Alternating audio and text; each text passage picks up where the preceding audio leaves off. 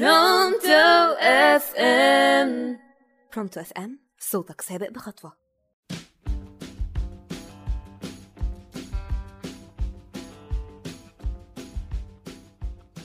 مساء الخير عليكم. معاكم رؤى إبراهيم على Pronto FM وحلقة جديدة مع brand جديد وبطل قصة جديد النهارده. النهارده هنتكلم عن عملاق القهوة في العالم وهو ستاربكس اللي كتير مننا بيحبوا أول ما تيجي سيرة القهوة ومشتقاتها بيجي في باله على طول. القصة بدأت مع ثلاثة كانوا بيدرسوا في الجامعة وبعد التخرج سافروا لمدينة سياتل. واحد منهم كان مدرس تاريخ والتاني مدرس إنجليزي والتالت كان كاتب في جريدة.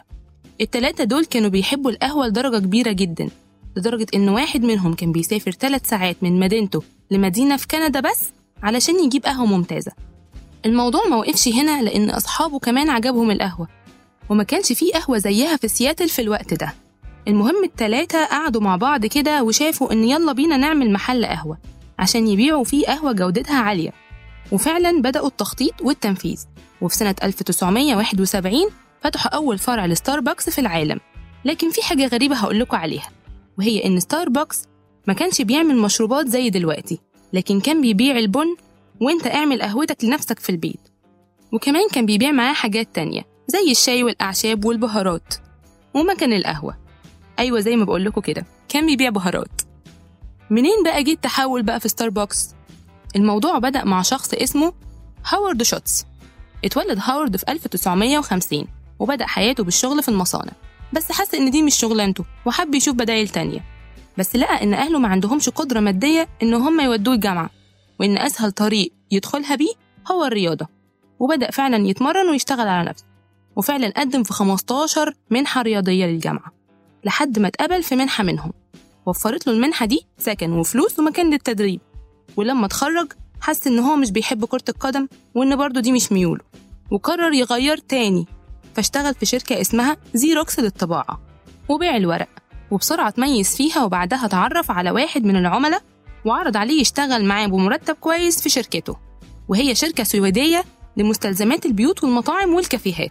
وبعد فترة بسيطة هاورد بقى من الإداريين.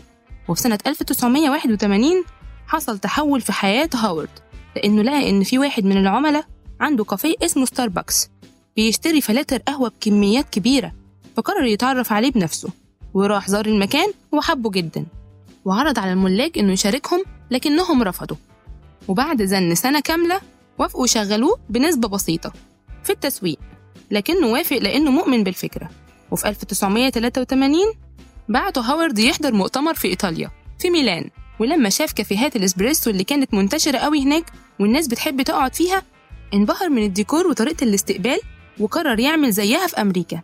عشان تبقى زي دلوقتي تروح تطلب كابتشينو أو ice white mocha shaken pumps up and down ما علينا. المهم راح للمؤسسين علشان يقنعهم إن يعمل زيها. لكن قالوا له إحنا معناش فلوس ولسه فاتحين فرع جديد ومش معانا أي ميزانية دلوقتي وما وافقوش. بس طبعا هو ما يأسش. وفضل وراهم وبعد سنة قالوا له خد الفرع السادس ونفذ فيه فكرتك. وفعلا نجحت. بعدها بأربع سنين قرر المؤسسين بيع ستاربكس ب 3.8 مليون دولار. واشتراها هاورد طبعا. وبعدين بدأ يوسع الفروع لحد ما وصلوا 30 ألف فرع حوالين العالم. ووصل إيراداته لأكتر من 24 مليار دولار. وعدد الزباين في اليوم بيعدي 25 مليون. ما شاء الله. من أشهر المقولات لهاورد ريتيل is detail.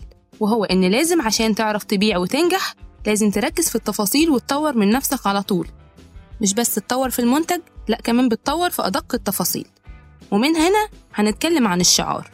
اللي كلنا بنشوفه مش عارفين جت فكرته منين. والله هو في رأيين. الأول إن كان في أسطورة لبنت جميلة يهودية وفي ملك حبها فلبسها التاج بتاعه. ولأن هاورد يهودي استعمل رمزها تقديس لليهودية. والتاني إن هي حورية بحر اسمها ال Siren وهي خطيرة جدا وبتجذب البحارة وتوقعهم في البحر. وهي عندها ديلين والشعار فضل يتطور لأشكال كتير وتغير لونه من البني للأخضر لحد ما وصل للشعار اللي إحنا بنشوفه دلوقتي.